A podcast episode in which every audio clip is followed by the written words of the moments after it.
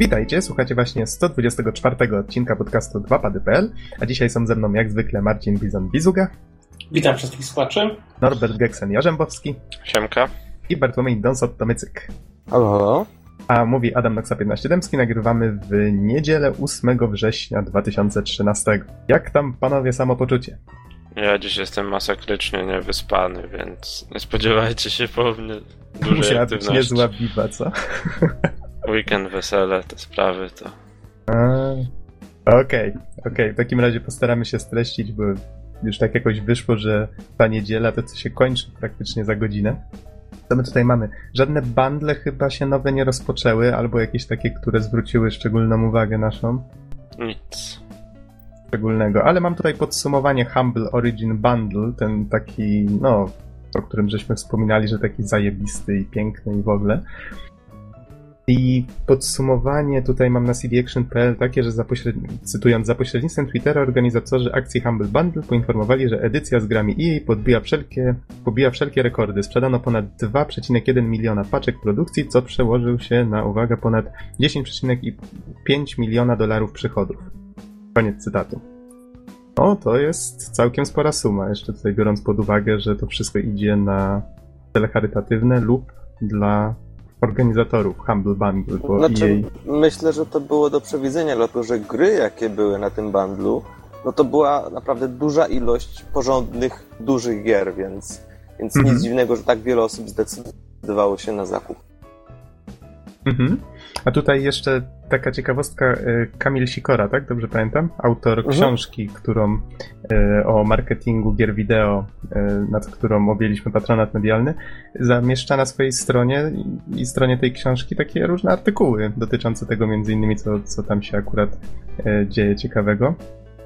Chociaż na przykład też pisał o filmowych adaptacjach gier, też całkiem fajny artykuł. I pamiętam, że właśnie wspominał w jednym z takich artykułów o, chyba nawet o tym bundlu, pisząc, że to wszystko, całe, całe to Humble Bundle jest wykorzystywane jako taka machina promocji, prawda? Że EA sobie planuje, że okej, my tu oddamy wszystko na cele charytatywne, dzięki temu poprawimy na przykład swój wizerunek, ale również poprzez to, że dajemy klucze na Origin, zachęcimy ludzi do tego, żeby zaczęli korzystać z z tej naszej platformy do sprzedaży gier. I powiem wam szczerze, ja się na to złapałem, bo nie wiem, czy pamiętacie, jak poprzednio recenzowałem Crysisa 2, to żeście od razu powiedzieli, że Crysis 3 jest na Originie za 20, tam bodajże 2 złote. Tak, tak. Jakieś takie śmieszne pieniądze. To ja oczywiście kupiłem tę grę i zacząłem szukać na przykład Dead Space'a dwójki, którego nie, nie miałem. Kiedyś przeszedłem jedynkę, teraz właśnie był w tym bundle razem z trójką. No i tak świadomie dali jedynkę i trójkę. Okej, a co z dwójką? No to wtedy na Originie patrzysz, jakie są ceny, orientujesz się, że też kosztuje jakieś tam 20 zł kosztowało. Okazało się, że to wszystko były promocje stworzone właśnie po to, żeby te osoby, które kupiły właśnie na, poprzez tego bundla, powiedzmy za tego symbolicznego dolara te, te super produkcje EA, kupiły potem właśnie za jakieś takie śmieszne kwoty te wysokobudżetowe produkcje, uzupełniając sobie serię. No tam pomijam fakt, że się okazało, że moja karta graficzna nie wspiera Direct 11. Po raz pierwszy od 6 lat chyba jakaś gra mi powiedziała, żebym się wypchał, bo mam za słaby sprzęt tutaj w przypadku Crysisa trójki. Więc ostrzegam, żeby ktoś inny się na to nie złapał, ta gra koniecznie potrzebuje karty z Directem 11.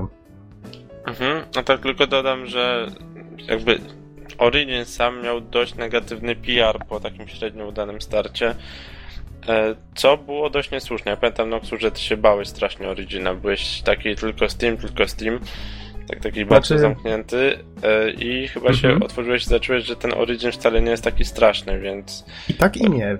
Wiesz, to jest do, dobry, dobrze, żeś poruszył ten temat, bo mogę tutaj troszeczkę się podzielić spostrzeżeniami właśnie przy okazji tej akcji. Mianowicie podoba mi się to, że ceny są w złotówkach. To jest bardzo fajna cecha Origina. To jest genialna sprawa. Niestety na, na Steamie ciągle mamy albo dolary, albo naprawdę, jeśli zobaczę grę w złotówce, to od razu miło się ciepło robi na sercu i nie wiem, jakoś jest to moim zdaniem bardzo poważna zaleta, że Przede może wszystkim- można kupić towar w złotówce. Mhm. Przy wszystkim chodzi o to, że jednak w naszym Steamie, bo nie wiem, w amerykańskim chyba są w dolarach, tak? U nas są w euro. No to jednak te ceny w euro są strasznie zaporowe. No, pomijając tutaj na przykład te wielkie wyprzedaże Steamowe, to wtedy faktycznie. ale na Origin, no, jak sami żeście zauważyli, 20 zł na przykład takie promocje potrafią być, no to są bardzo ludzkie ceny, jak na nasze warunki. E, a teraz może troszeczkę o wadach, mianowicie zaobserwowałem na przykład, że tak jak Steam ma bardzo mm, zunifikowane, bardzo właściwie identyczne warunki, w jakich się instaluje różne gry. Po prostu pobierasz, on to sam instaluje, wszystko jest, wygląda tak samo. Tak na przykład jak GOG ma instalator taki sam do wszystkich gier. To jest bardzo fajne, człowiek się do tego przyzwyczaja. Tak samo Origin. Właściwie oni wrzucili te stare instalatory i pach, ok, wszystko się instaluje tak jak kiedyś i chodzi o to, że każda gra, być może w nowszych, nowszych tego to nie dotyczy, ale ja na przykład kupiłem Crysis Warhead, który będę dzisiaj prawdopodobnie recenzował. Ta gra instalowała się swoim starym, starym instalatorem, mało tego, zainstalowała mi jeszcze na dysku Securoma, czyli te zabezpieczenia z płyt, o ile mnie pamięć nie myli. Po co mi to? Nie mam zielonego pojęcia, ale musiało się zainstalować, żeby gra działała. Tak, tylko dodam, że te nowe gry już tego nie wymagają. Przynajmniej Medal mhm. of Honor, ten nowszy, jak instalowałem na przed Origina, no to był taki wbudowany instalator, tak, bez żadnych problemów. Tak się zacząłem zastanawiać właśnie, czy to nie ma jakichś plusów, że na przykład oni dzięki temu mogą jakieś takie gry właśnie starsze sprzedawać. Nie ma żadnych na przykład przeciwwskazań, jakichś takich właśnie mm, powodów, dlaczego to miałoby nie działać przez tego Origina, albo że na przykład można te gry odpalać bez uruchamiania Origina. Tak się zacząłem zastanawiać, ale nie sprawdzałem tego ostatecznie, więc nie potrafię tutaj powiedzieć. I myślę, że jeszcze jedna taka wada, która się przypadkiem w trakcie tych zakupów objawiła, mianowicie Origin w jakiś sposób zapamiętuje dane mojej karty, którą płacę w internecie. No i szukałem sposobu, żeby te dane usunąć. Nie lubię takich rzeczy trzymać, wiecie, po tych wszystkich, powiedzmy, wpadkach z Sony, jak tam wykradziono te wszystkie karty i tak dalej. Wolę po prostu za każdym razem to wpisywać raz jeszcze. I się okazało, że wiele osób ma ten problem, ponieważ Origin domyślnie nie pozwala kasować takich rzeczy. I dlaczego? To, to jest dla mnie po prostu niepojęte. Y, gdzieś wyczytałem, że bardzo możliwe, że te dane są przechowywane po prostu na dysku lokalnie, ale tutaj znowu nie sprawdzałem tego jeszcze, nie jestem pewien. Ale wydaje mi się, że chyba nie byłoby to aż tak nagłaśniane w tak wielu tematach na forach, gdyby, gdyby faktycznie było to takie proste do usunięcia, jak usunięcie jednego pliku, prawda? No nie jestem pewien, nie jestem pewien, ale Origin mimo wszystko ma jakieś takie dziwne rozwiązania, które są nie do końca logiczne. Na pewno zachęcają te promocje w złotówkach, to jest duży plus. To tyle ode mnie na ten temat.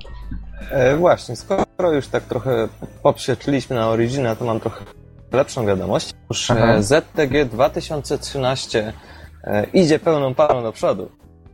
E, I przypominam, że 19-20 października na terenie Międzynarodowych Targów Poznańskich w pawilonie nr 14 odbędzie się impreza ze twórców gier, nad którą oficjalnie mamy już patronat medialny.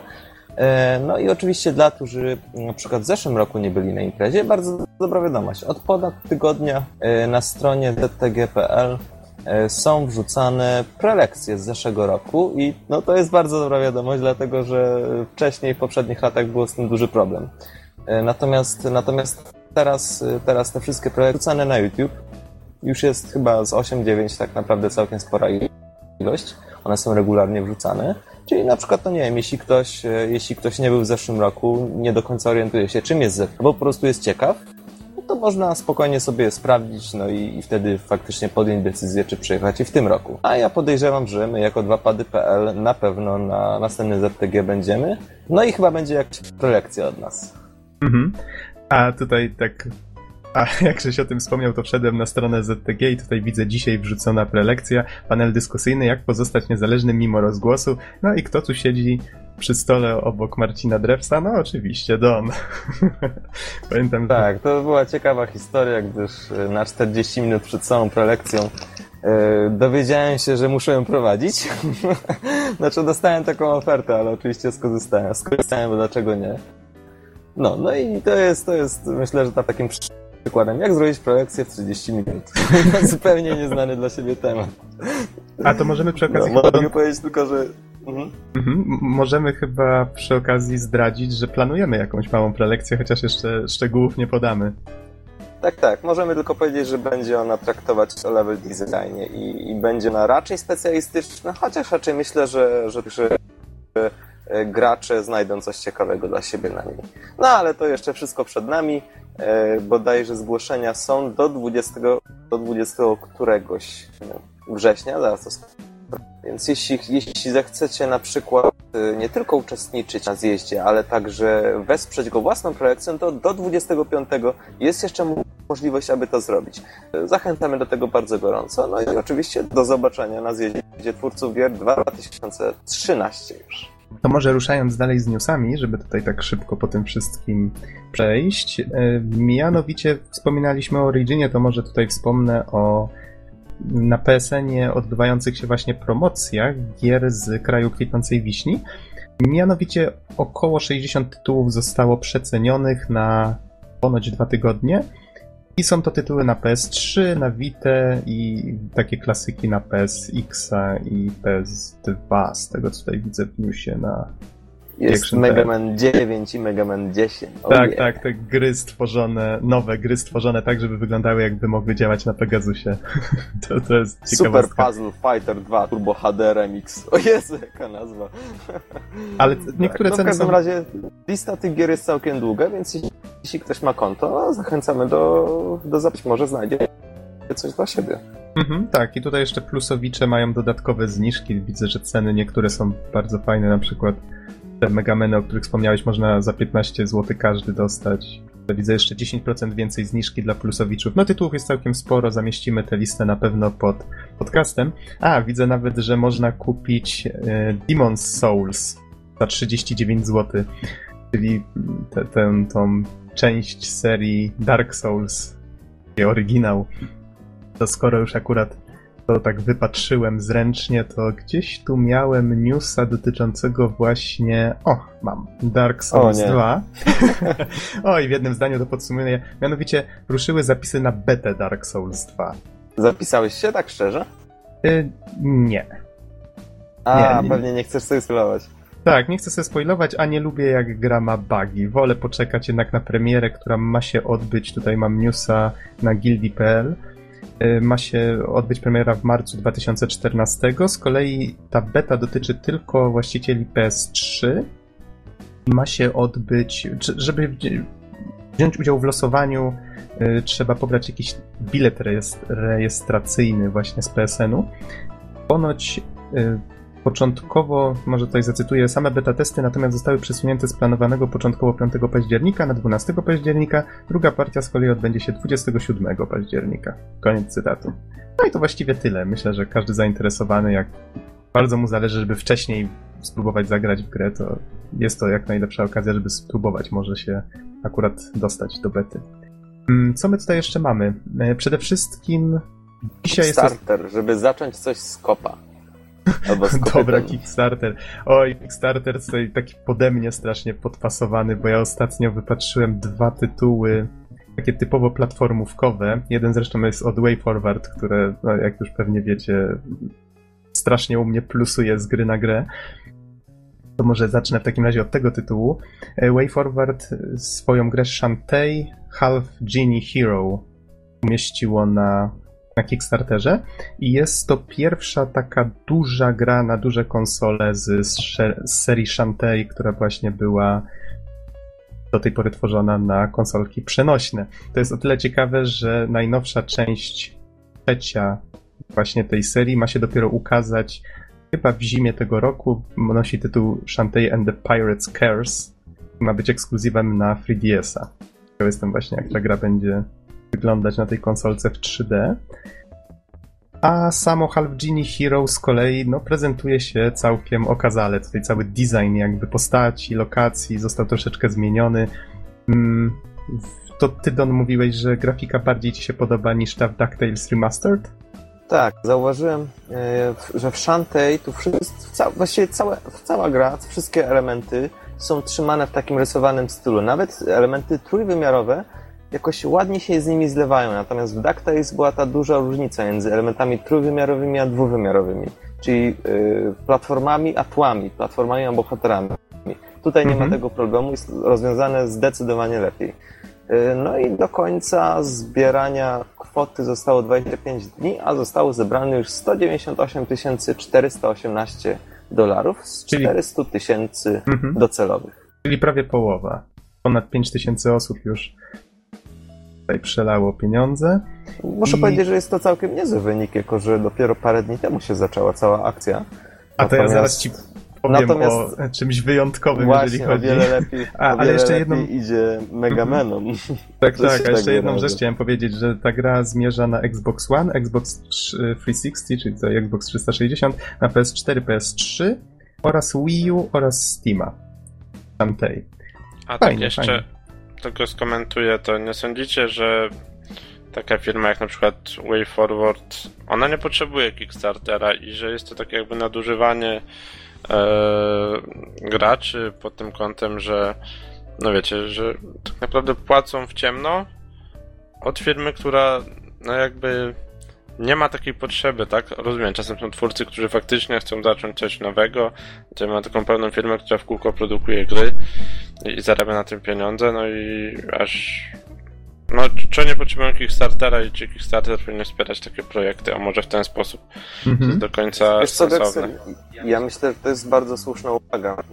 Poruszę dosyć dlatego, że no ich na to stać. Ich na to stać, żeby zrobić tą grę. Ich na to stać, żeby podjąć ryzyko, zrobić ją i wtedy mieć zysk ze sprzedaży i po prostu, żeby wie, żeby się, żeby się ta cała rzecz zwróciła. Natomiast, natomiast oni stwierdzają, hmm, po co mamy podejmować ryzyko, skoro fani mogą jakby zapłacić od razu, tak? I, i nas wspomóc w ten sposób, że no, że no właśnie, że będzie jakby na gotowy. To To faktycznie co- muszę, się, muszę się zgodzić z Gexenem, że to, to Mhm. troszeczkę jakoś tak ich na to stać. Tyle mogę powiedzieć. No, to, to nie jest jakiś jeden pojedynczy twórca, który, nie wiem, który pracuje gdzieś tam po nocach i dniach i musi mieć powiedzmy 70 tysięcy na to, żeby grę skończyć i wziąć sobie wolne na jeden rok i myśleć tylko o grze, tylko to jest firma, którą stać na to, żeby zrobić tą grę samodzielnie i oni to robią w przypadku wielu, wielu, gier, więc no tak, no Mhm. tutaj troszeczkę dobra uwaga ze strony Lexena. Znaczy, jak najbardziej rozumiem wasz tok rozumowania. Może tutaj z, troszeczkę inaczej do tego podejdę. Mianowicie, tak jak Don powiedziałeś, dla nich to jest, tak sobie przynajmniej wyobrażam, dla nich to jest takie dodatkowe zabezpieczenie, coś, co pozwala im bardziej skupić się na tworzeniu gry, niż martwieniu się, że w pewnym momencie może im na przykład zabraknąć pieniędzy i będą musieli obcinać jakiś content.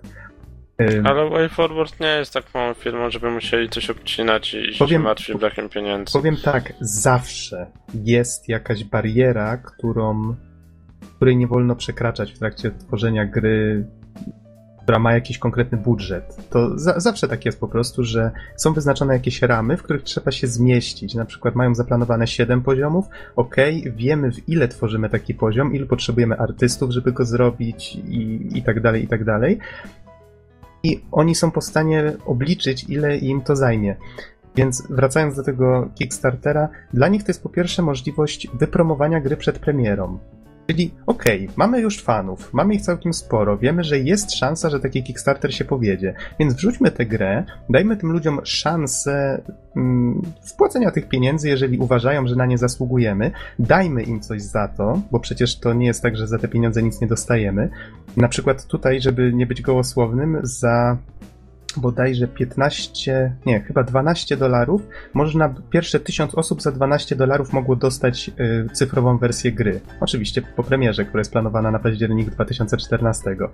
I to te pierwsze 1000 osób dostało właściwie w pewnym sensie grę w promocji, prawda? No bo tu akurat szanse na to, że ta gra się ukaże są praktycznie stuprocentowe, więc y, można to Ale- uznać za taką ale promocję, poczekaj, prawda? poczekaj, bo, bo idziemy w trochę innym kierunku.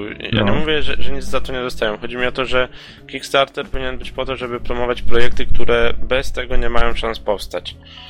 Bardziej mi chodzi o tą stronę, tak? A tutaj w Mhm. sumie tworzy się grę, która no jakby która i tak i tak powstanie w ten sposób. Niezależnie od tego, czy ten Kickstarter będzie, czy nie. Ona i tak i tak by powstała. Mhm. Znaczy, jak najbardziej rozumiem to podejście i wydaje mi się, że Kickstarter już stał się na tyle popularny, że musimy się troszeczkę przyzwyczaić do tego, że on już w tej chwili stał się narzędziem promocji, no tak jak Facebook, prawda? I on będzie wykorzystywany właśnie do takich rzeczy. Twórcy tutaj nęcą na przykład tym, że w grze będzie więcej poziomów, jeżeli przekroczy się pewien próg.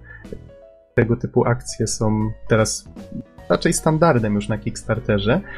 Ale trzeba pamiętać, że nikt nikogo nie zmusza do płacenia tych pieniędzy, więc jeżeli chce się wspierać przede wszystkim takie tytuły właśnie, o których mówisz, czyli takie, które faktycznie bez tych pieniędzy nie mają szans się ukazać, no to jak najbardziej może to robić. Myślę, że przede wszystkim... Tak, tyle, że wiesz, tyle, że no, te projekty właśnie, te, które i tak by się ukazały, robione przez, przez profesjonalne firmy i wrzucane na Kickstartera, no, będzie to trochę czepialstwo z mojej strony, ale to jest taki szum tak naprawdę. I w, ty, w tym mhm. myślałem, że być może w przyszłości będą ginąć y, takie właśnie projekty robione przez pojedyncze osoby, które nie miałyby innej szansy, żeby w ogóle zająć się grą.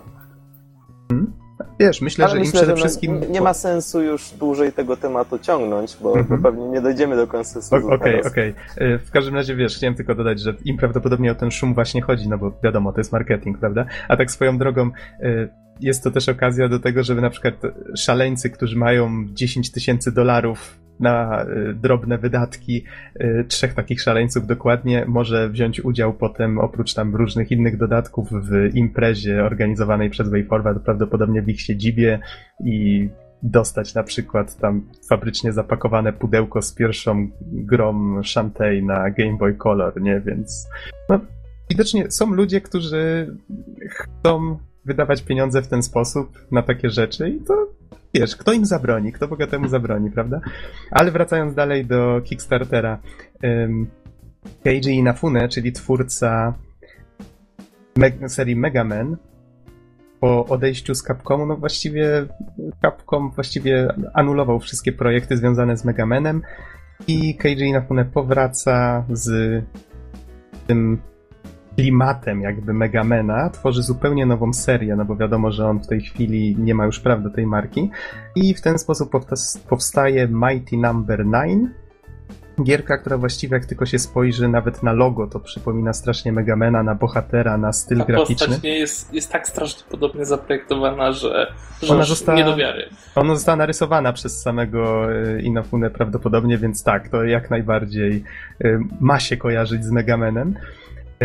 I udało Ale mi się to, przede to, wszystkim. to dobrze, sądzisz, że dobrze nie mógł po prostu wziąć i zrobić czegoś zupełnie innego? Wiesz, wydaje mi się, że nie. Z jednego powodu, znaczy nie, no pewnie mógł, ale pytanie, czy chciał, bo jest jeszcze zwróć uwagę, znaczy nie, wydaje mi się, że musiał być troszeczkę więcej kręcić się wokół y, serii, żeby zauważyć pewną rzecz. Mianowicie, jak się słucha na przykład muzyki z serii, no nie wiem, chociażby na YouTubie, wiadomo, ludzie wrzucają mnóstwo tego, nieważne czy to jest legalne, czy nie, i czyta się na przykład komentarze, które są pod takimi filmikami, ludzie po prostu strasznie na kapką wjeżdżają, że o Jezu, anulowali kolejną część i tak dalej, i tak dalej. Takich ludzi jest multum a to są potencjalni klienci. Ci klienci chcą konkretnej gry, konkretnego gameplayu i konkretnej stylistyki. No i właśnie w tej chwili to dostają. Y, już y, udało się sfinansować ten projekt bodajże, nie wiem, w, 20, w ciągu 24-48 godzin od rozpoczęcia, jakoś tak strasznie, strasznie szybko, a to jest jeszcze więcej niż chcieli twórcy Shantae, bo to jest aż 900 tysięcy dolarów. Już teraz uzbierano 1 868 152 dolary, ponad 32 tysiące osób już to wsparło, a jeszcze 23 dni do końca zostały. Ale powiem, że gra wygląda bardzo fajnie. Myślę, że każdy fan platformówek Amegamena w szczególności powinien się zainteresować A ty wsparłeś tym projekt, tak z ciekawości? Y, nie. Nie wsparłem ani jednego, ani drugiego. Ale to tylko dlatego, że nie mam za bardzo pieniędzy na wyrzucanie, wiesz, na lewo i prawo, ale z chęcią bym mhm. tam z 5 dolców wrzucił, szczerze mówiąc, jakbym miał w tej chwili. Akurat mnie to kuszą w szczególności takie propozycje dostania gry za y, chociażby cyfrowej wersji za jakieś takie niewielkie pieniądze. Bo myślę, że to jest najbardziej kuszące w tym wszystkim. Bo tam wiesz, za 60 dolarów jakieś dodatki w rodzaju tam prezentów i innych tego typu rzeczy, to już no, trzeba mieć pieniądze na takie rzeczy. No ale w każdym razie myślę, że to informacja, która ucieszy tutaj fanów Megamena, bo seria ma w końcu swojego jakiegoś duchowego następcę. Zwłaszcza, że udało właśnie się y, KGM-u zebrać jakby ludzi odpowiedzialnych za sukces serii. Tam widziałem, że sporo osób E, jest podany jako twórcy oryginału. No dobrze, panowie, to tak, nie jestem pewien, czy tutaj po tych pozostałych newsach tak troszeczkę szybko nie lecieć po łebkach. Chociaż może jeszcze nie, na ja jednym... myślę, że wiesz, wa warto powiedzieć, że na przykład PlayStation 4 jest tak modną konsolą, że, że sama zdalnie pobierze kupione gry, a potem się wyłączy, no kurczę. A no tak, no to jest news, który można w sumie szybko podsumować. Tak, zapowiedziano, że można kupić jakąś grę na PSN-ie poprzez smartfon, konsola się sama w domu włączy, pobierze to, wyłączy i przychodzimy do domu Ale i wszystko z Xboxem jest. jest dokładnie ta e, sama sytuacja nowym, przez to, że jakby ten Xbox będzie cały czas e, w tym takim stanie, wiecie, włączenia i nasłuchiwania, to, to Mhm. właśnie też będzie miał identyczną funkcjonalność. Logujemy się przez Xbox.com, kupujemy sobie coś i ta gra czeka, jak wracamy do domu już zainstalowana. To ja od razu mogę powiedzieć, że PS3 już miało coś takiego, bo pamiętam, instal- y, interesowałem się tym w przypadku Gran Turismo piątki, tak? Tak, żebym tu teraz nie strzelił złą cyfrą. Y, Z Tak, 360 jest tak natomiast, że możesz sobie zrobić e, na przykład z pracy kolejkę pobierania i w momencie, kiedy wracasz do domu i włączysz konsolę, to te rzeczy zaczynają się pobierać, tak? mhm. A, No a z nowym Xboxem będzie tak, że on po prostu będzie sam pobierał, tak? Będzie jakby cały czas włączony. Ale to wiesz, to kolejne newsy z kolei też tak zacierają granice między tymi konsolami, mianowicie e, twórcy Xboxa pochwalili się, że w sumie ich chmura, ich serwery równie dobrze mogłyby być wykorzystywane tak samo jak Gaikai w przypadku PlayStation, czyli do streamingu gier. Bardzo możliwe, że doczekamy się kiedyś na przykład pozycji z Xboxa 360, bo jak rozumiem nie, y, nie było wstecznej kompatybilności. No nie, no, jak wiadomo, w tej generacji jest to technicznie niemożliwe, tak? Oj tam, oj tam. Takie srali muchy będzie wiosna. Mhm. Jak mi tu kaktus wyrośnie. Y, Wiesz jak to jest. Ale mm, w każdym razie zapowiedziano, że znaczy nie zapowiedziano wprost. Powiedziano tutaj w kleje newsa oczywiście z cvaction.pl, y, w którym odpowiedzialny za planowanie produktu Albert Penelo z Microsoftu wypowiada się właśnie na ten temat i on tu mówi, że to jak najbardziej byłoby możliwe, musieliby tylko rozważyć, czy wiecie, czy to jest opłacalne, jakie środki na to musieliby przeznaczyć i tak dalej, i tak dalej. A tak a propos, nie wiem czy słyszeliście, że Microsoft kupił e, główne oddziały Nokii odpowiedzialne za produkcję telefonów. Więc może A, to bardziej... dlatego krążył dowcip y, na zasadzie, że Bill Gates prosi, żeby kupić mu telefon, tak?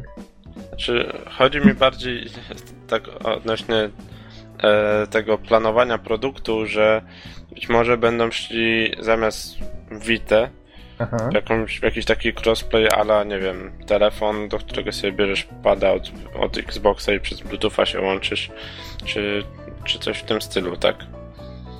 Mhm. Może, To, to by miało nawet więcej sensu, no bo nie musisz mieć konsoli przenośnej, tylko twój telefon wykorzystujesz. Znaczy, no kurczę, w sumie to oni już to dawno zrobili. Przecież ile z tych aplikacji nawet sam korzystasz, prawda? Sygnowanych logo Xbox, na, na, na, nawet na tych Lumiach, tak? Tak, tak, ale chodzi mi o ten, o to, żeby mógłbyś grać y, w grę z, Play, z Xboxa One na swoim telefonie, tak? A, w tą stronę. W tą stronę. Podcinając pada na przykład.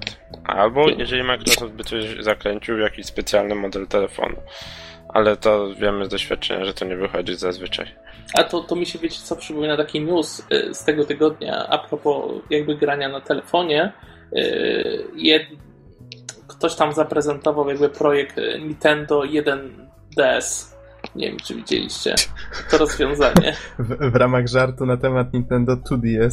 Tak, w ramach żartu i właśnie jeden z konceptów polegał na tym, że do tego 1DS-a, który miał normalnie fabrycznie jeden ekran, można było na przykład podłączyć jako drugi ekran właśnie smartfon. O, Brzmi nawet ciekawie. No. Tylko wiadomo, Dzi- że dziwna to koncepcja trochę.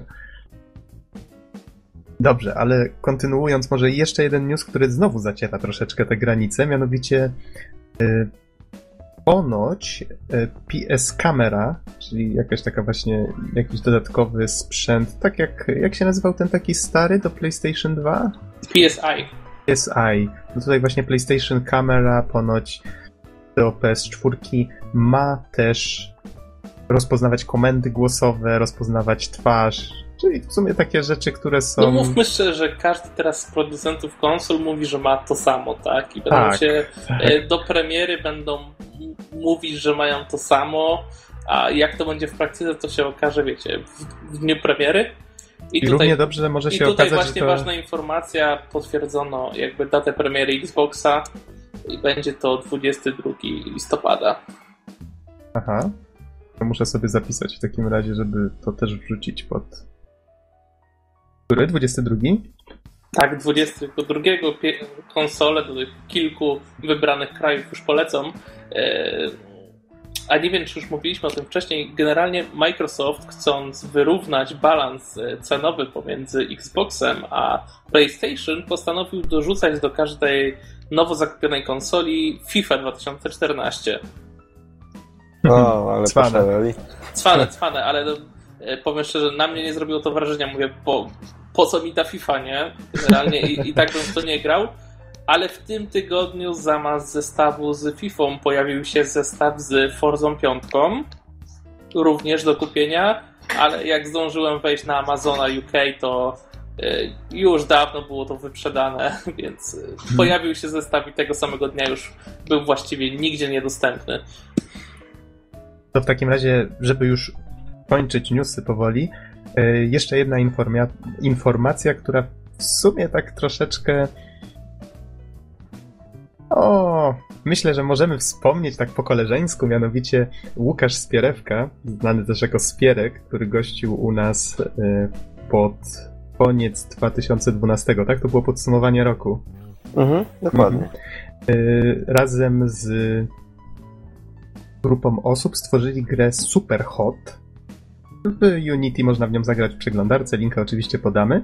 Stworzyli ją w trakcie jakiejś akcji 7D FPS, w której, której chyba, no, jak chyba sama nazwa wskazuje, 7 dni było na to, żeby stworzyć grę FPS i oni stworzyli taką grę na podstawie pomysłu, że czas leci w niej tylko wtedy, jak się poruszasz. Taką strzelankę, w której kule powiedzmy zatrzymują się w powietrzu albo lecą bardzo powoli, jeżeli się w Raczej ogóle nie lecą bardzo powoli, nie zatrzymują się. Oni w każdym razie wydali, puścili do sieci to, co stworzyli. To było jeszcze takie troszeczkę poszatkowane, różne etapy w różnych plikach i tak dalej. Takie przyna- przynajmniej odniosłem wrażenie, może się tutaj mylę. Y, Teraz to dopracowali i pokazali na WGK, czyli Krajowej Konferencji Wytwarzania Gier Komputerowych, która dzisiaj się właściwie kończy, 8 września. I wyobraźcie sobie, wygrali Developers Showcase, które polegało na tym, że właśnie różne niezależne zespoły mogły pokazywać czy to gry, jakieś nowe algorytmy, tutaj cytując stronę, ukończone projekty albo dema. Więc no, pogratulować sukcesu. Tutaj od razu pojawiły się newsy na Indie World, genialny FPS Łukasza Spierewki. Tutaj oczywiście nie można zapominać, że współtworzył tą grę razem z innymi ludźmi. No, A ja mam. gratulujemy. Takie, ja mam takie pytanie, czy oni planują, planują jakoś się rozwijać, coś z tym Się więcej nie zrobić? pytaj, czy planują, tylko po prostu zaprośmy znów gościa na podcast. No, to jest dobra propozycja. W każdym razie do tematu jeszcze wrócimy. Y, Jeżeli ktoś jest zainteresowany właśnie, żeby, żeby tą grę obadać, to pod superhotgame.com zagrać właśnie w tę gierkę. Parę minut można ją przejść, a jest dość, Ale dość z nietypowa. tego co widzę, wymaga zainstalowanego pluginu od Unity. Tak, tak, bo ona działa w przeglądarce, ale na silniku Unity. Czyli jak wszystkie gry działające na Unity w przeglądarce wymaga tego pluginu. I pod podcast wrzucimy jeszcze trzy filmiki, chyba że do tego czasu jeszcze wy dacie mi coś fajnego, mianowicie gameplay najnowszy, z, znaczy najnowszy z Gamescomu. 20 sierpnia do Titanfall. Muszę przyznać, że gierka podoba mi się coraz bardziej. Ta strzelanka łącząca parkour z, No z mechami. mnie zainteresował ten, ten ostatni filmik, powiem szczerze, jak wcześniej jakoś ta gra nie robiła wrażenia, to co, coraz więcej kunsztu w tym dostrzegam. Co nie? Robi się fajnie. Yy, I jeszcze tak od siebie dorzuciłem zwiastun Shantae and the Pirates Curse, pierwszy jaki się pojawił. Dzisiaj na CityAction.pl jeszcze zauważyłem filmik Mirror's Edge Parkour. Tutaj ktoś Mając przyczepioną kamerę do głowy, nakręcił taki filmik parkurowy z pierwszej osoby, do tego dorzucił muzykę z Mirror's Edge, miał, y, ubrał się tak jak Fade właśnie z Mirror's Edge i efekt jest naprawdę bardzo, bardzo fajny, a przy okazji, no, człowiek ma takie wrażenie na zasadzie, wow, ja bym nigdy na ten dach nie wlazł. Bardzo efektowny, fajny filmik. Myślę, że jak ktoś interesuje się parkurem, to warto Nie no wiecie co, to takie rzeczy tylko w grach. Tyle Tak, powiem. tak, tak. Mirror's Edge na nowym Frostbite, tak? No dobrze, panowie, myślę, że możemy przejść do tematów głównych, a mamy dzisiaj... Myślę, że jest jeszcze jeden ciekawy news, o którym Tak. powinniśmy wspomnieć, tylko Aha. szukam szczegółów jeszcze. Otóż wreszcie jest dostępny Rome Total 2. A. Total War, Rome Total War 2. O, tak, czy Rome 2 to w każdym razie jest to gra, o której wspominałem już troszeczkę wcześniej. E, Jest już dostępna i można ją kupić. E, Jest tak w Steamie i właśnie zaraz sprawdzę, po ile w ogóle ona chodzi. Mhm. Dobrze, to ja w takim razie tutaj sobie zapiszę, żeby to też wrzucić pod podcast. Informacja o premierze, dobrze. A dzisiaj prawdopodobnie zrecenzujemy dwie gry. Pierwszą będzie Crysis Warhead, bo jak rozumiem, Gun, o którym opowiesz nam dzisiaj, Bizonie, jest taką bardziej. Ja wiem, jak to ująć. charakterystyczną produkcją, która pewnie trafi na okładkę. Ja wiem, czy bardzo charakterystyczną. No, jest to taka gra, która ma pewne znaczenie, jeżeli chodzi o, o produkcję, gdyż y, została wypluta przez studio, które tej pory wcześniej tak, zajmowało się zupełnie innymi grami. Mhm. Ale to wrócimy w takim razie do tego, bo wydaje mi się, że ja powiem troszeczkę o Crysis Warhead, postaram się to raczej streścić. Raptem tydzień temu opowiadałem o Crysisie dwójce. No i właśnie Dobra, tutaj... za to może Mhm. zanim zaczniemy, to szybciutko jeszcze. No proszę E, bardzo. Premiera Rome 2 e, miała miejsce 2 września 2013 roku i obecnie można ją kupić na przykład Steam za zawrotną sumę, przynajmniej jak na warunki polskie, e, 54 euro i 99 eurocentów. No to nie, Wow. zdecydowanie tańsza jest wersja pudełkowa. Nawet nie patrzcie w takim razie na ceny Steamowe. Pewnie zresztą pudełko polskie zawiera klucz Steamowy, jak podejrzewam. Mhm. Mhm. Tak, Podejrzewam, tak, że tak pewnie, jest. A, pewnie a tak. pewnie całe kosztuje jakieś, nie wiem, 100-120 zł. Podejrzewam, że coś takiego. No w każdym razie myślę, że jest to całkiem porządna produkcja i jeśli macie przy okazji jaką kwotę w miarę odłożoną, e, dobry komputer i chęć, e, to oczywiście warto. Mhm. Okej, wracając w takim razie do recenzji Crysis Warhead. Tak krótkim przypomnieniem. Tydzień temu recenzowałem Crysis 2 y, z akcją w Nowym Jorku.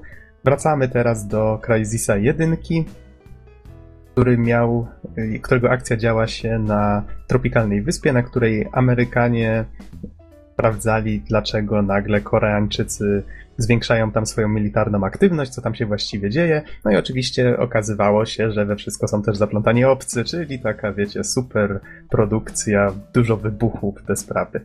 To ja E, jeszcze czekam na kosmicznych Marines w takim razie, kolonialnych. No tu już nie jest daleko, bo ci Marines właśnie, którzy, ta grupa, która została tam wysłana, jest uzbrojona w te nanokombinezony, które są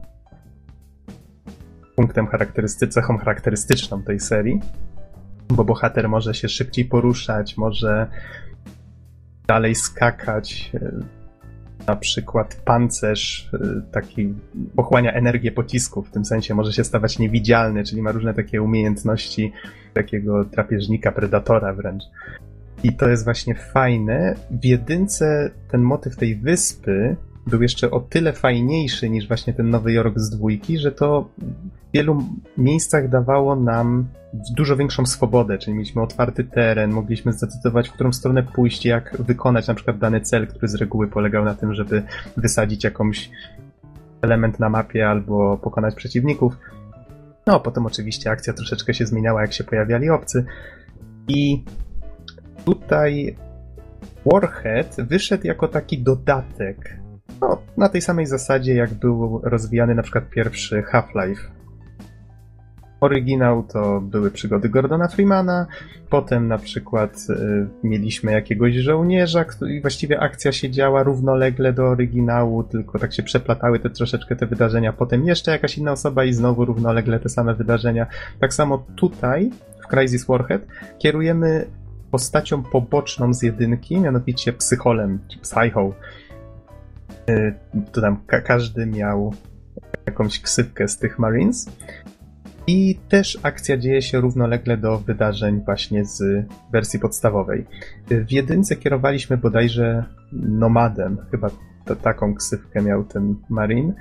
W przypadku Psycho jest o tyle lepiej, że wiemy chociaż jak wygląda. No tam nie znaliśmy wyglądu swojego bohatera. I tak jest to dużo lepsze niż na przykład w dwójce, gdzie bohater Alcatraz no, tam zupełnie nie miał znaczenia, tam bohaterem tak naprawdę był ten nanokombinezon, który on nosił. Tak tutaj mamy konkretnego bohatera, wiemy, że to psychol, yy, wiemy, że lubi naginać zasady, jak nie podoba mu się rozkaz, to mówi wprost przełożonym, że mu się to nie podoba i, i tak dalej.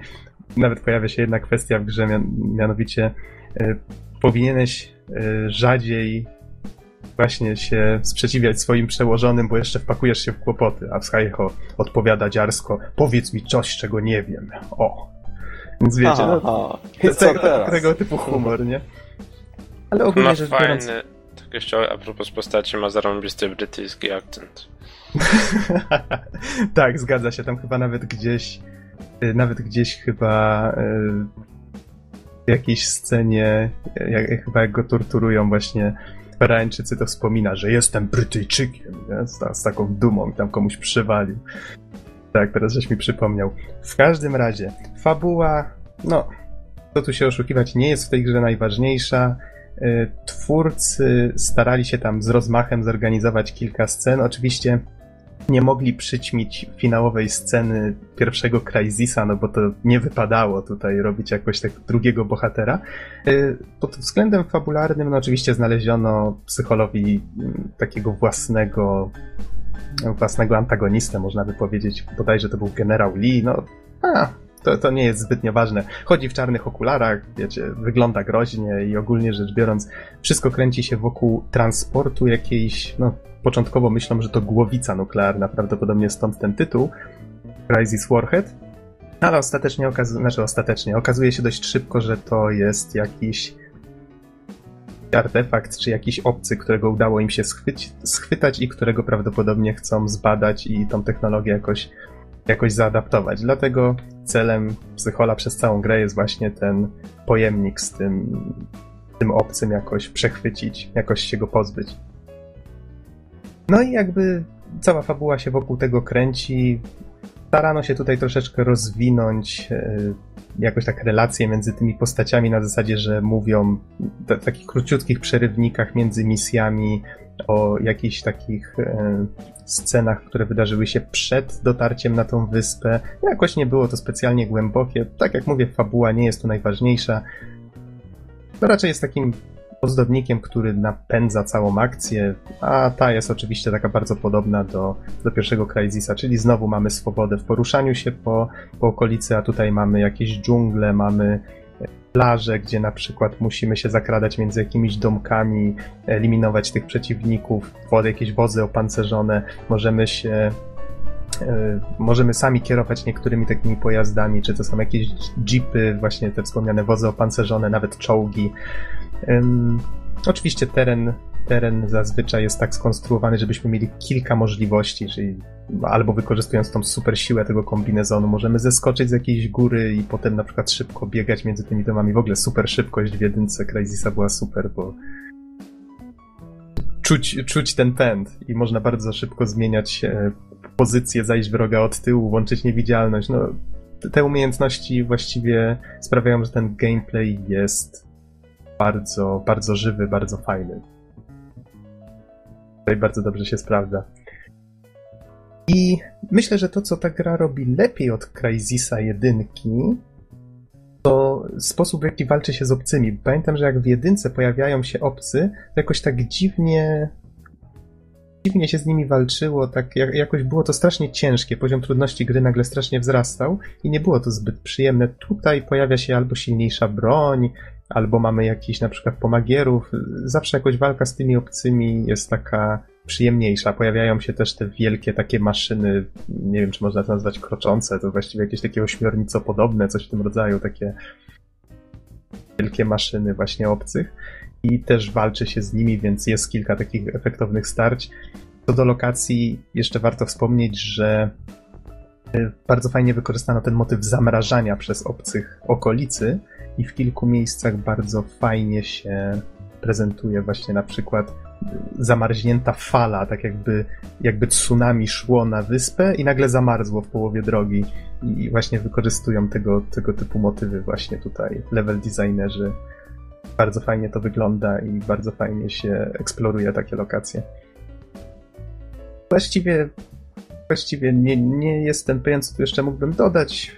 Gra nie jest specjalnie długa, przeszedłem ją przy jednym posiedzeniu, myślę, że to było chyba 6 godzin. Trochę krótsza niż Crysis 2.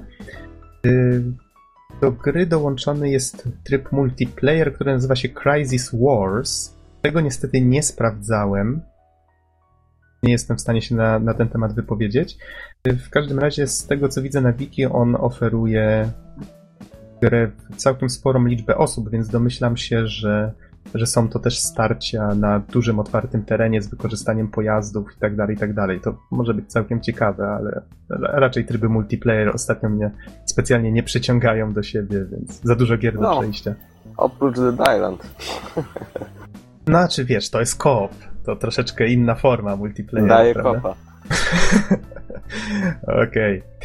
Powiedzcie panowie, czy macie jakieś pytania, czy o czymś zapomniałem? W sumie muzyka nieszczególnie rzucała się w oczy. Graficznie, graficznie gra podobała się ładnie, ale wiecie, jakoś tak tam nie wiem. No to Albo już nie, może te... to już nie te czasy, wiesz. Może to nie te czasy. A albo ekipa, y, bo ta gra była tworzona akurat przez Krajtek Budapeszt. Budapesztu i bardzo możliwe, że oni troszeczkę gorzej wykorzystali te możliwości, a może to ja po prostu źle pamiętam, jak Crysis 1 wyglądał. Ale wydaje mi się, że gra nadal wygląda bardzo ładnie. Tnie się jak cholera na najwyższych ustawieniach na moim kompie, co jest trochę dziwne, bo był kupowany w tym samym okresie, co wychodził Crysis 1, no ale to wtedy był pogromca kompów.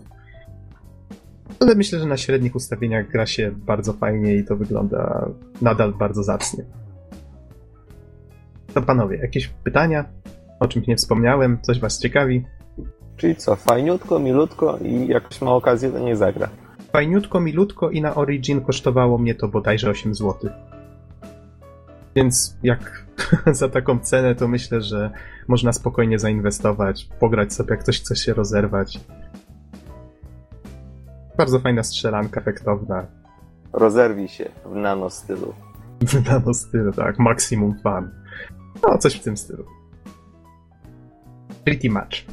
No i teraz tylko ubolewam, że Crysis 3 mi nie działa. Miałem ochotę tak naprawdę zrecenzować go zaraz po dwójce i komputer zrobił mi tutaj takiego psikusa.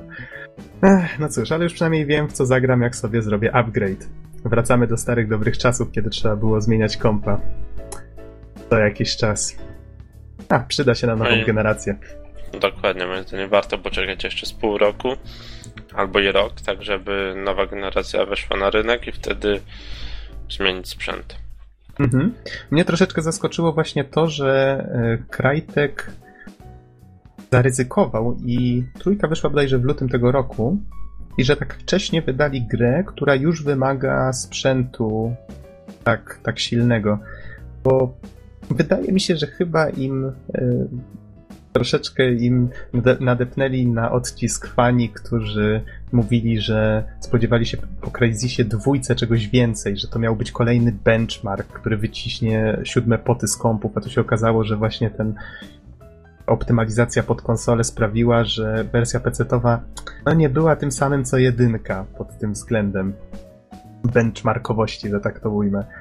I wydaje mi się, że oni bardzo chcieli pokazać, że choć Crysis 3 działa też na konsolach, to, że wersja PC jest zoptymalizowana pod tego DirectA 11 i że ona jest najlepsza i zobaczcie, to jest tak właśnie będzie Jesteś- wyglądać następna generacja, nie? Jesteś pewien, że, że wymaga. Faktycznie wymaga. Tak, wymaga gra. Gra wyświetla wyraźny monit, że twój komputer, twoja karta graficzna nie wspiera DirectA 11. Spędziłem Ale- dobre pół godziny szukając po forach, czy istnieje sposób uruchomienia jej na DirectCie 9.10. Oficjalna wersja brzmi, że nie. Nieoficjalna tylko tyle, że fani przygotowują jakieś łatki, które mogą powodować jakieś glicze graficzne czy inne tego typu rzeczy, no bo wiadomo, że jakoś te efekty, które działają tylko na 11 trzeba zastąpić. Tak naprawdę nie chciałem się w to bawić. Myślę, że poczekam jednak, aż, aż mój komputer sobie z tym poradzi. Jakoś nie mam żalu, no za 20 zł to trochę szkoda, bo człowiek się jednak odzwyczaił przez te 6 lat patrzeć na wymagania sprzętowe, no i dostałem za to kopa prosto w zęby, nie? Ale czasem się zdarza. No wiesz, jedna gra ci nie poszła kiedyś ci. Pozwolę sobie przypomnieć, że kiedyś w tym czasie już wiem. dynamiczniejszego rozwoju rynku, to wiesz, to było tak, że jako dzieciak to akceptowałeś, tak? Ale że gra ci chodziła w 15 klatkach i, i grałeś mimo wszystko. A myślałem, że powiesz o tym Alien vs Predator 2. A, to, to jest bardzo specyficzna i dłuższa Tak. historia, to nie na Tak, dzisiaj. tak. A to może tylko powiem, gra zaproponowała mojemu komputerowi, który miał 333 MHz, y, tryb super low ustawień. Jak go włączyłem, to jeszcze się okazało, że włączenie latarki w grze resetuje komputer. No, cóż. Ja pamiętam, jak próbowałem AVP2 razem z bratem zagrać. E, I mieliśmy dwa komputery, jeden z nich trochę lepszy, a drugi tak jak właśnie podobnie 333 MHz procesor. E, I, I na tym lepszym komputerze e, można było grać obcym, bo to wymaga jakby większej ilości animacji i tak dalej. Natomiast na tym słabszym można było grać tylko Marinem w, w właśnie ustawieniach super low. Wtedy nawet nie było widać broni, co jeszcze jakoś ledwo działało. No ale można było grać, można. Jako dzieciak się to naprawdę można było wykombinować różne fajne rzeczy. Okej, panowie, w takim razie, jeżeli nie macie pytań, to myślę, że możemy przejść śmiało do gry Gun. No to Bizonie w takim ja może razie. jeszcze sekundkę Spluwa. z, z e, newsami, których nie wiem, czy nie pominęliśmy. Aha. E, Procesor w Xboxie One został podkręcony o 150 MHz w międzyczasie. A to nie, nie mówiliśmy o jakichś podkręceniach? My mówiliśmy o karcie graficznej, ale jeszcze podkręcono e, główny układ, tak, procesor o 150 MHz. No i jest to tam jakaś tam zmiana, tak. E, widać, że, że Microsoft chce wycisnąć z tego sprzętu, który tam ładuje, wszystko co się da. Mhm. No i tak większość Jest gier prawdopodobnie Ale będzie... dużo bardziej ciekawa informacja, którą wyłapałem w międzyczasie, e, jak Aha. recenzowałeś e, Crysisa, to podsumowanie sprzedaży Wii U w Polsce. No. 350 sztuk konsoli. Are you fucking serious? Tak, To i tak, to i tak więcej niż się spodziewałem. 350 sztuk oficjalnie sprzedanych egzemplarzy konsoli w Polsce. Norbert, Jak sobie masz jesteś... dużą rodzinę?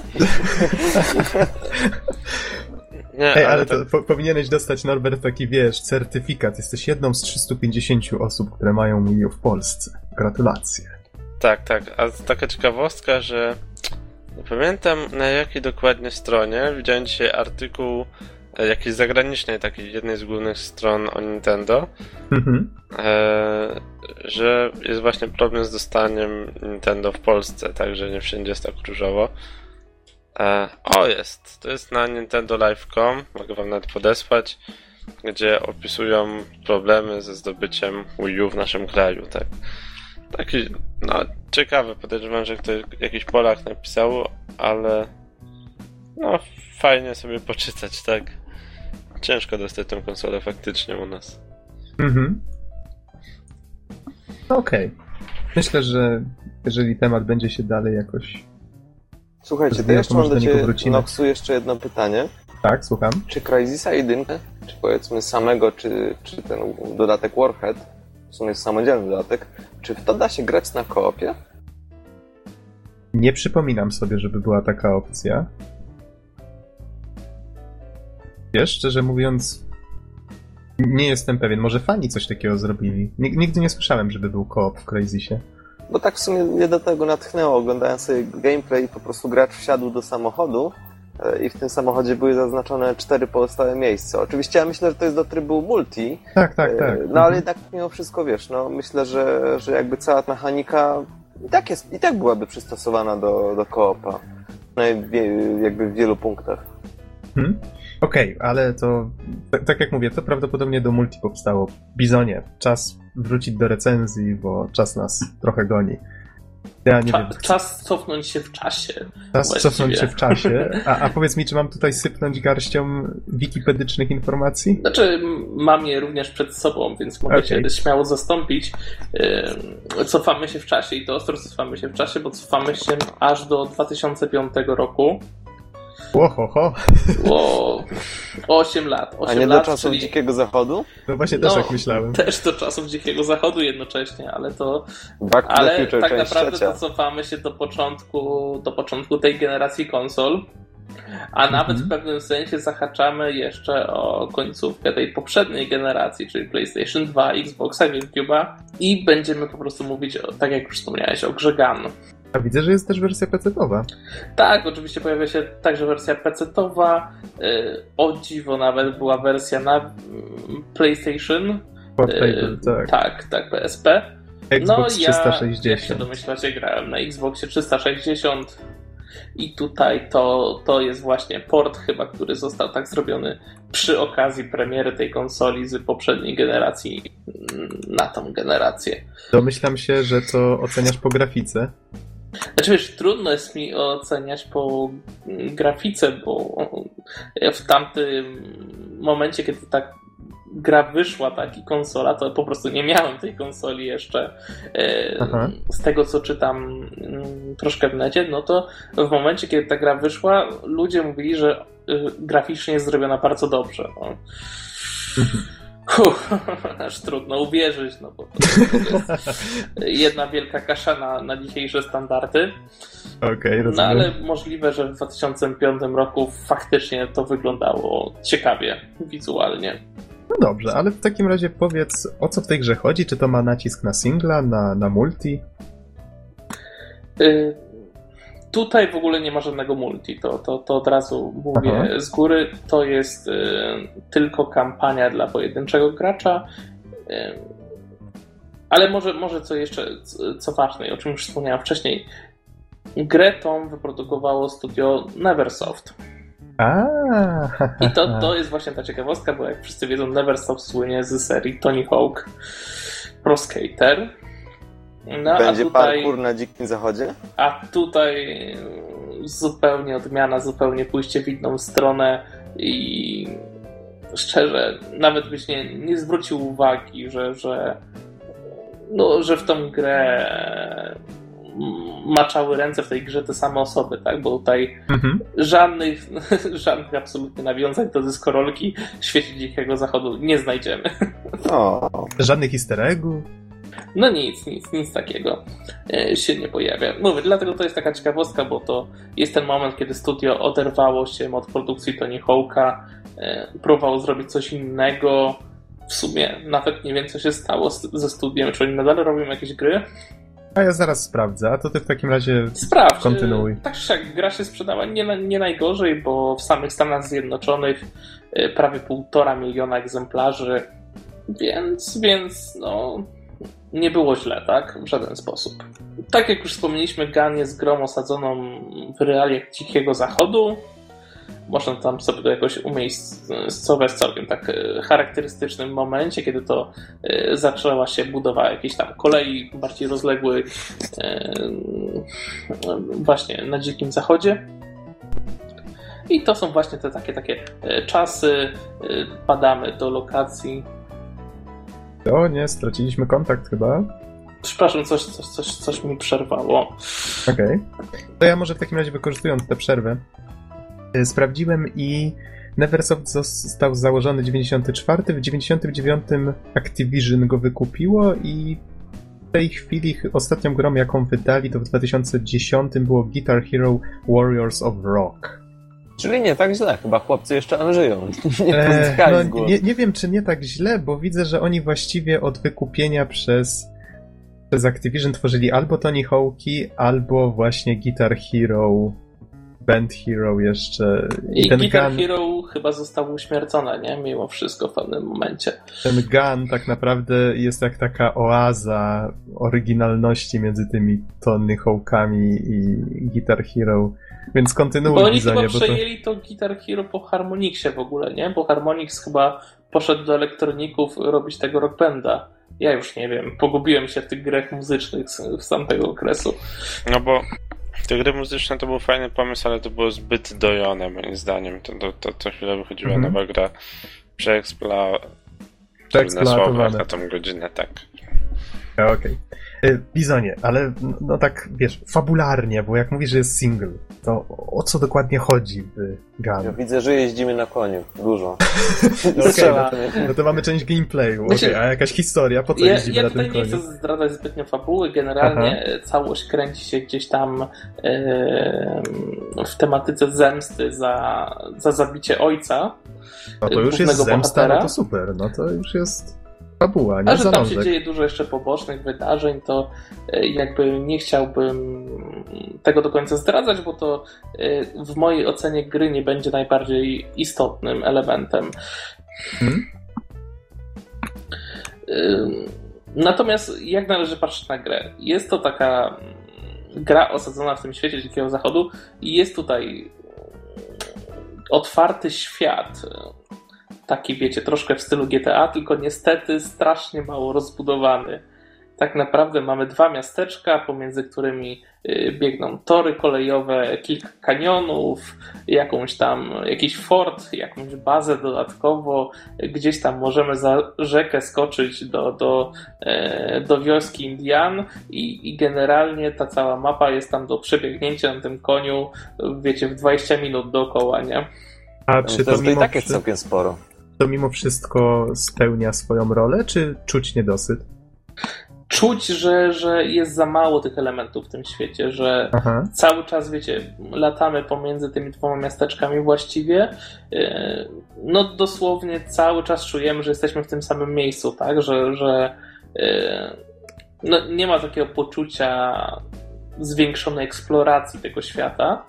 Jakby wszystko od początku jest nam dane na talerzu, jeżeli chodzi o świat. Mamy go dostępny cały praktycznie yy, od, yy, od, od powiedzmy po godzinie gry możemy już pojechać prawie wszędzie, e, poza lokacjami zamkniętymi przez to, że jeszcze nie wydarzyły się jakieś tam e, działania fabu- fabularne, tak? Mhm. Więc y, cały ten teren jest mały, jest y, mało rozbudowany. Można by było powiedzieć, że jest nawet w pewnym sensie troszkę nudny y, wizualnie, bo no, cały czas ta sceneria jest dość, y, dość taka podobna tego dzikiego zachodu, ale może i tak powinno być. Y, To nie jest jakąś tam największą wadą jakby gra poza głównymi wydarzeniami w fabule stara się nam zapewnić troszkę dodatkowych tutaj zadań. No i faktycznie zostało ono podzielone na kilka różnych typów. y, Poprzez klasyczne odnajdywanie plakatów z osobami, które są poszukiwane y, martwe albo żywe, nie? Y, Co tutaj ma znaczenie, bo w zależności od tego, czy doprowadzimy kogoś żywego, czy, czy go uśmiercimy, dostajemy różnej ilości gotówki Aha. więc to zostało tutaj nieźle zrealizowane. To mamy, oprócz tego typu zadań, mamy, możemy zostać kurierem konnym, możemy zaganiać e, krowy do zagrody e, za pieniążki, jakieś te właśnie różne tego typu zadania się e, pojawiają poboczne, zupełnie nieobowiązkowe, jednak pozwalają nam na zarobienie kasy, która znów z kolei jest wydawana na wszelkiego rodzaju usprawnienia dla naszego bohatera, a jest tego od groma. Na przykład? Począwszy od zwiększonej ilości życia, apteczki, którą możemy nosić przy sobie, yy, a tutaj już wspomnę, że jest to strasznie fajnie zrobione, bo główny bohater leczy się pijąc whisky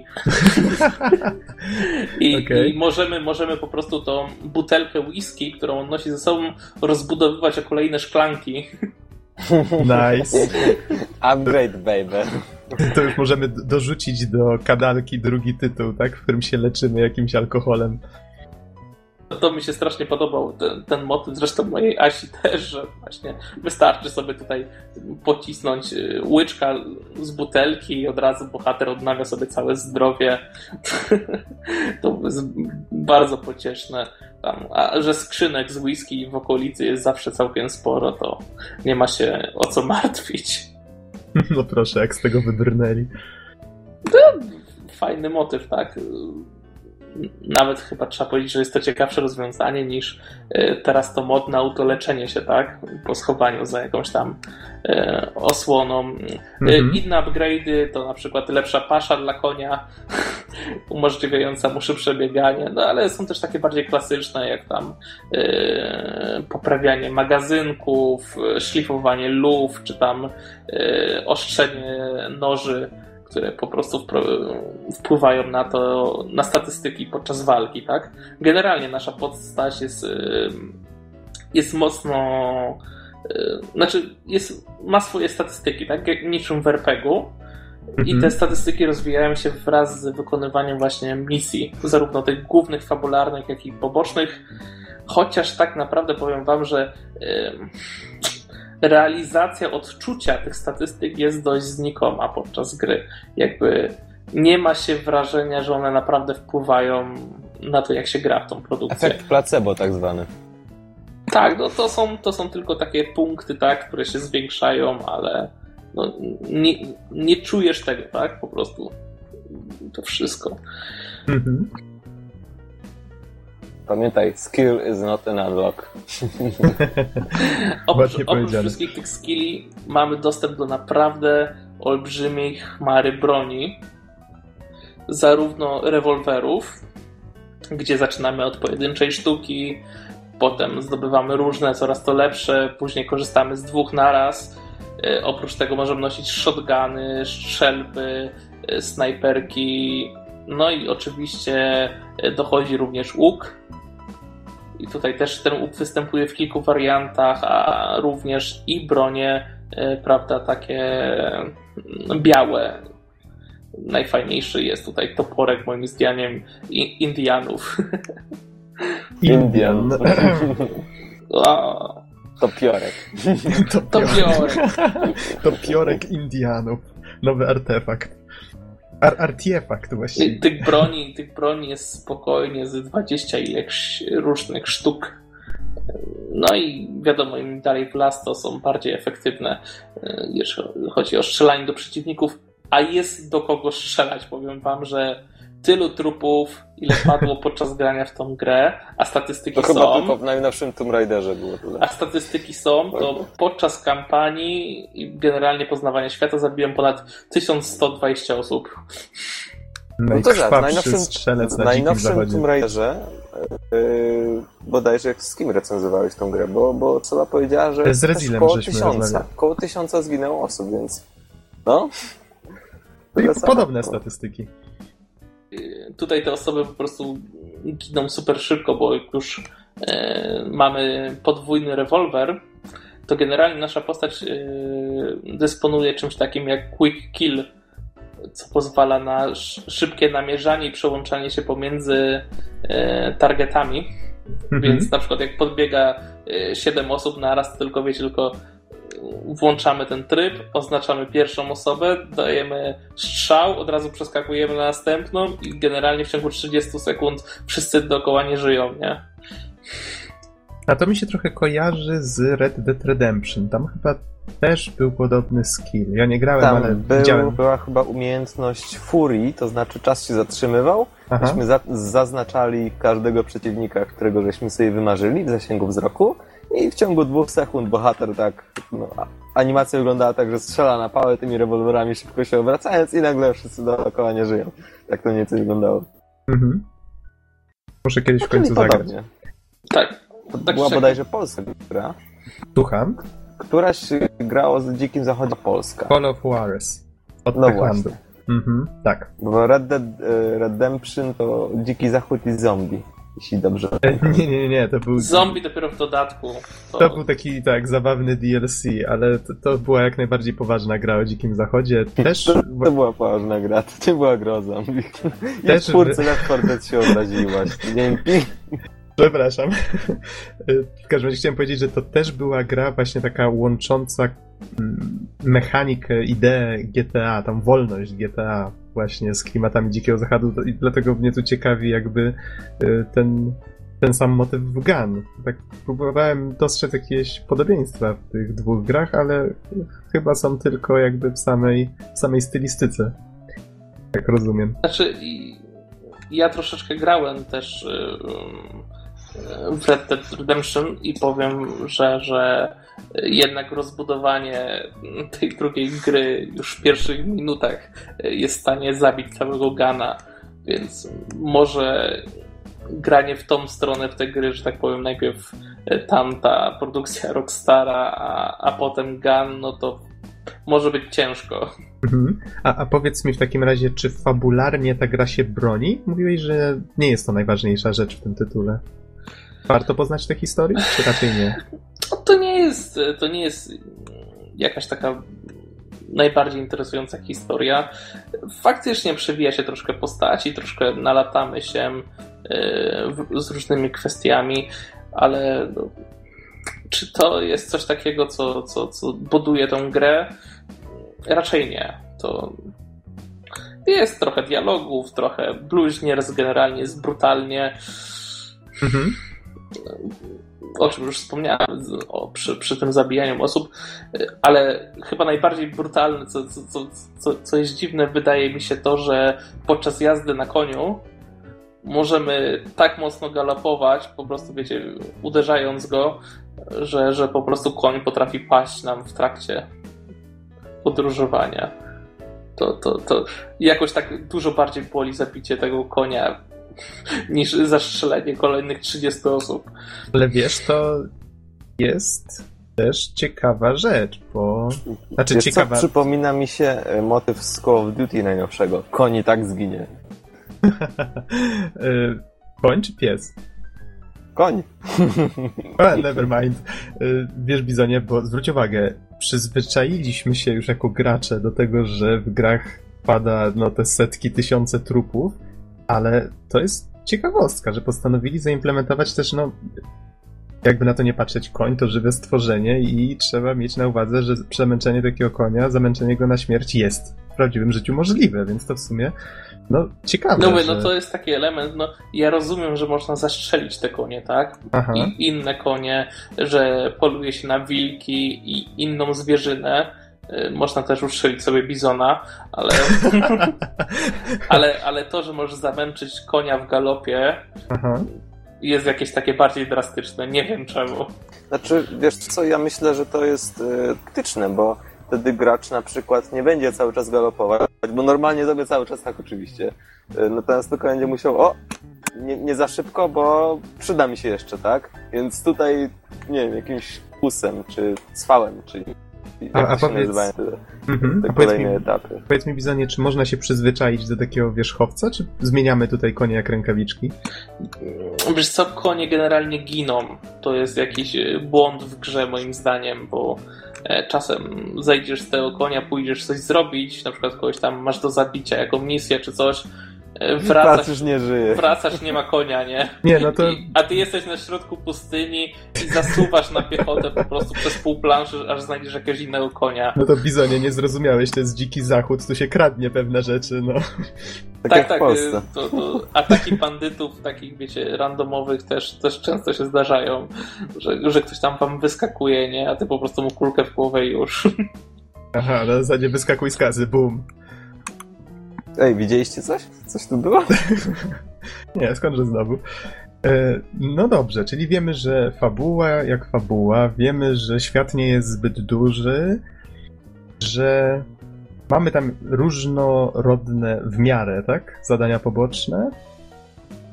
I o, o czym tu jeszcze mógłbyś no, nam z powiedzieć? zadań pobocznych są e, możemy także rozegrać na przykład zawody w pokera, ale to niestety nie jest jakoś tak fajnie rozbudowane jak w innych grach.